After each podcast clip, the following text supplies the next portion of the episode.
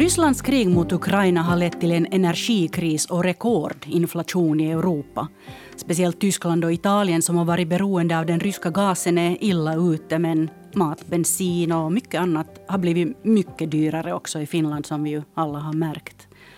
Och nu har vi dessutom fått Fortums och Unipers stora problem på halsen.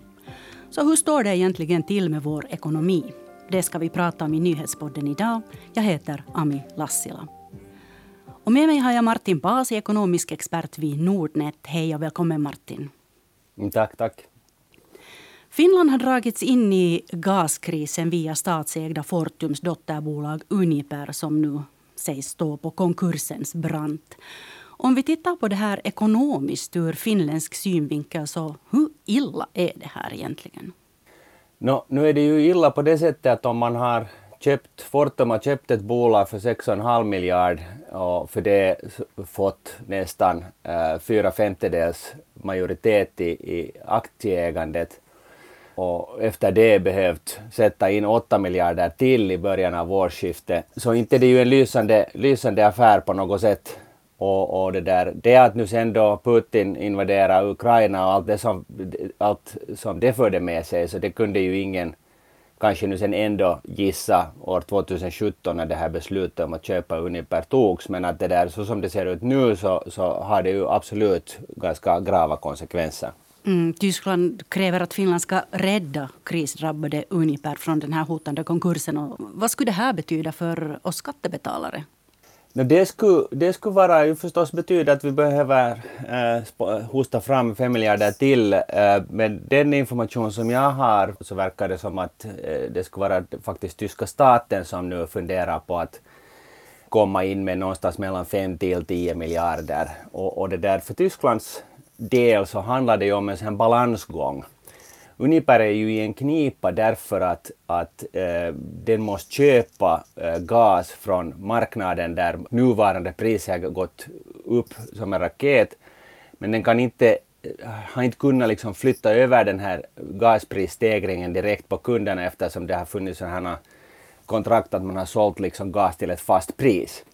Och nu är det för Tysklands statsdel eh, handlar det om liksom en balansgång mellan det att hur mycket vågar man förarga röstarna genom att eh, stifta en lag som säger att Uniper får skuffa över en del av den här inflationsstegringen på kunderna trots att de har haft ett fast gasavtal. Å ena sidan och sen å andra sidan hur mycket pengar de ska behöva sätta in i Uniper för att få den här situationen löst så att Uniper inte går i konkurs. Men de finska skattebetalarna då? Jag kommer tillbaka till min fråga. Hur ja. rädda ska vi vara? No, inte, inte tycker jag nu att liksom vi behöver vara på det sättet rädda om vi nu har kunnat liksom hosta fram 8 miljarder efter årsskiftet och, och, det gick så där halvt obemärkt förbi. Jag menar det är stora pengar och det är absolut i, på inget sätt liksom önskvärt. Men om det nu då är så att Tyskland är den som sätter in nya pengar i Uniper så, så kan det vara i princip en bra sak men då ska man dock förstå att, att finska statens ägarandel sjunker, de är motsvarande 30 procent. Mm. No, om en så här stor och stark ekonomi som Tyskland nu drabbas av så här hårt av att gasen från Ryssland stryps och, och dessutom får rädda sitt Uniper-bolag då kanske med oanade antal miljarder. Vad har det för betydelse för hela EU? Den värld vi lever i idag är, är på allt sätt i accelererande grad eh, polariserad. Och, och sådana här saker, en sån akut kris som Putin har fått till stånd, så har ju konsekvenser för EU och när det krisar så är det ju ofta så att synpunkterna går hemskt mycket isär och det är klart att, att den här pågående krisen så har uppbrytande effekt på EU ifall man inte då liksom lyckas på något sätt komma tillsammans och komma överens om gemensamma åtgärder. Så att det, definitivt är det ju negativt allt det här på alla vis. Mm. Då kommer kanske Tyskland att behöva stöd av EU. Man talar ju redan om att folk kommer att frysa ihjäl nästa vinter för att de inte kan värma sina hus.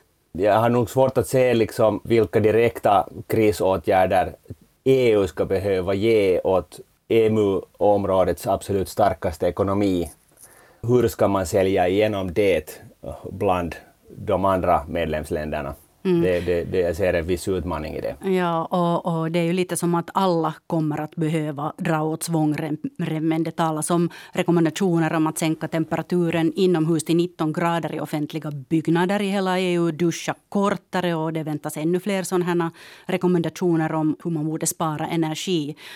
Hur länge har Finland någon sorts fördel av att vi inte har det här gasberoendet som många andra har? No, I det här gasproblemet så är det ju en klar, klar fördel, men vi ska kanske förstå att EU är liksom i ett proxykrig med Ryssland som det är just nu och ukrainarna dör dagligen för den här sakens skull, för oss allas skull och, och på något sätt skulle man kanske då vilja efterlysa lite situationsförståelse. Att, att liksom, eh, äh, alternativen är det att vi drar åt svångremmen och klämmer åt Ryssland med att sluta finansiera det ryska kriget mot bland annat då Ukraina. Och är det nu sen lite kallare hemma så kanske det är inte är så farligt i förhållande till det, att det som är gällande i Ukraina, det vill säga ett, ett regelrätt krig. Rent konkret i och med alla sanktioner och, den, eh, och allt annat som bland annat då EU har satt i eh, hjulen för Ryssland så det här är ju ett proxykrig på det sättet att, att det är antingen det här och, och hoppeligen biter de här sanktionerna och vi får en lösning i den här krisen. Eller så kan man ju säga att den här situationen eskaleras. Mm. No, som om det här inte var tillräckligt så har vi då det här med inflationen. Rekordhöga 7,8 procent för Finland och högst på 38 år. Hur illa är det här då? No, det är mycket illa. Uh, om man söker liksom perspektiv till det här så på 70-talet så, så, finns det ju ganska mycket likheter med nuläget på det sättet att man talar om 70-talets inflationsperiod och, och då i början första halvleken av 70-talet så, så kom det eh, inflationen igång med Jom, Kip, i och med Jom Kippur-kriget som satt oljepriset att gå upp.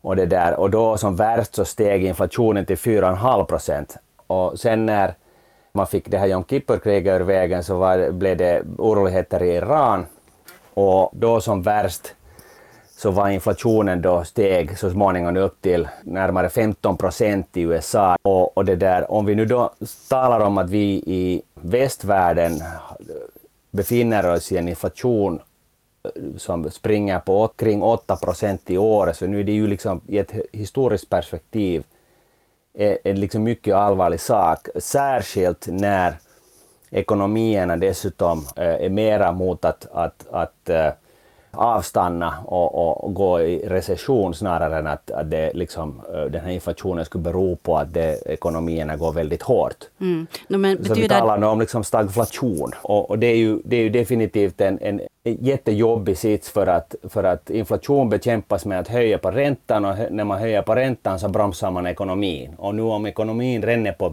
på inbromsning så blir det lite som att, blir liksom, det är en fråga om att välja mellan pest och kolera. Mm. Hur skulle en lågkonjunktur se ut för, för Finland idag då? Ja, jag, jag, jag har liksom använt liknelsen att, att, att läget just nu är, är, är den att vi har en risk om att hela västvärlden drabbas av en motsvarande eh, lågkonjunktur som vi i Finland hade i, i början av 90-talet. Där liksom det faktiskt, vi talar om arbetslöshet, vi talar om, om konkurser, vi talar om allt möjligt elände. Mm. Och, och, det där, eh, jag tror att Finland med sin som har levt på skuld de senaste åren så är ingalunda på något liksom, vidare bra förberedd för en sån här, sån här läge ifall det här nu sen då faktiskt materialiserar sig här mm. inom de kommande par åren. Mm. Men om vi tittar på, på vanliga människor och, och deras liv, vad händer där? Alltså hushåll märker att, kommer att märka eller har redan märkt att, att de månadliga kostnaderna stiger lätt med upp till 30 procent. Och, och, frågan är då att har du 30 procent extra i din månatliga budget för att kompensera stigande mat och, och energipriser och, och utöver det dessutom ännu potentiellt stigande eh, bolåneräntor. Mm. Va, vad ger du för och, råd åt människor här då? För mm, vi har ju alla sett just det här med matpriser. Ja, man kanske då inte har det här 30 procent extra. Man tittar med fasa på, på räntestegringar. Ge något gott råd. No, jag talade för ett år sedan om de här sakerna och, och ännu längre också och, och, då fanns det ju ännu ett läge att binda till exempel sin bolåneränta i en fast ränta och, och, då, då, då har du ju förstås eh, en fördel i det att när räntan stiger. Men alltså, det, det handlar om nog att, att i konkreta termer försöka gå igenom och räkna igenom liksom sin sits och för, inse faktum att, att, att liksom levnadskostnaderna kommer att gå upp betydligt och, och då det, gäller det en var att ta beslut om var man kan så att säga äh, skära ner på sina kostnader. Men det, det, är absolut lättare sagt än gjort för att, för att det där om vi talar om att, att levnadskostnaderna går upp med 30 procent så det är, ju inte, det är ju inte som att man så där bara trollar fram 30 procent extra. Och det är precis just den gemene vanliga dödliga finnen som, som, uh, som drabbas av det här. Det är alltid lönetagarna som drabbas av inflation mer än någon annan. Nu ska Europeiska centralbanken ha ett möte. Vad kan ECB göra åt den här situationen? Uh, det är en bra fråga. uh, skulle det vara liksom ett normalläge som i USA så skulle ECB förstås då höja räntan för att bromsa in ekonomin, för att bromsa in inflationen. Och det där. Men, men i EU och e, e, inom euroområdet så är problemet just det att om räntorna stiger så då går, får medelhavsländernas stater problem i och med att de är överskuldsatta. Så de kommer inte att ha, de har inte råd med hur höga låneräntor som helst. Och därför så kan man säga att EU egentligen inte har riktigt något medel att, att bekämpa inflationen. Europeiska centralbanken är i en svår sits mm. eftersom den, den, den befinner sig i en sån här läge där politikerna i princip har outsourcat de strukturella förändringarna till, åt centralbanken så att centralbanken får helt enkelt för, försöka hålla den patienten i liv Mm. Må så vara att man inte gör några åtgärder för att bota mm. Ifrågavarande patient. Men om vi tänker nu på den här vanliga som, människan som har bostadslån här i Finland. Ja. Vad betyder det här ränteförhöjningen för den? Det betyder att bolånen blir dyrare. Mm. Att boendet blir dyrare. Och, och, det märks kanske inte genast när man har annuitetslån. Men, men eh, så länge man kan hålla, om man ser att man kan klara, ens ekonomi klarar av en ränteuppgång, en betydande ränteuppgång, vi talar om till 5, 6, 7, 8 procent, så lönar det sig att hålla sig kvar i det här i det här bolånet efter så länge realräntan ändå är negativ. Jag menar om inflationen är 8 procent mm. och, och det där, äh, räntan är en eller två eller tre så betyder det att, att realräntan är trots allt fortfarande negativ mm. och det i sin tur betyder att inflationen äter upp av ditt bolån på sikt. Så det är liksom en fördel mm. på det sättet. Men det gäller att inte hamna, sälja sen när bostads, bostadspriserna kommer ner, för det kommer de att göra som vi såg här på vägen.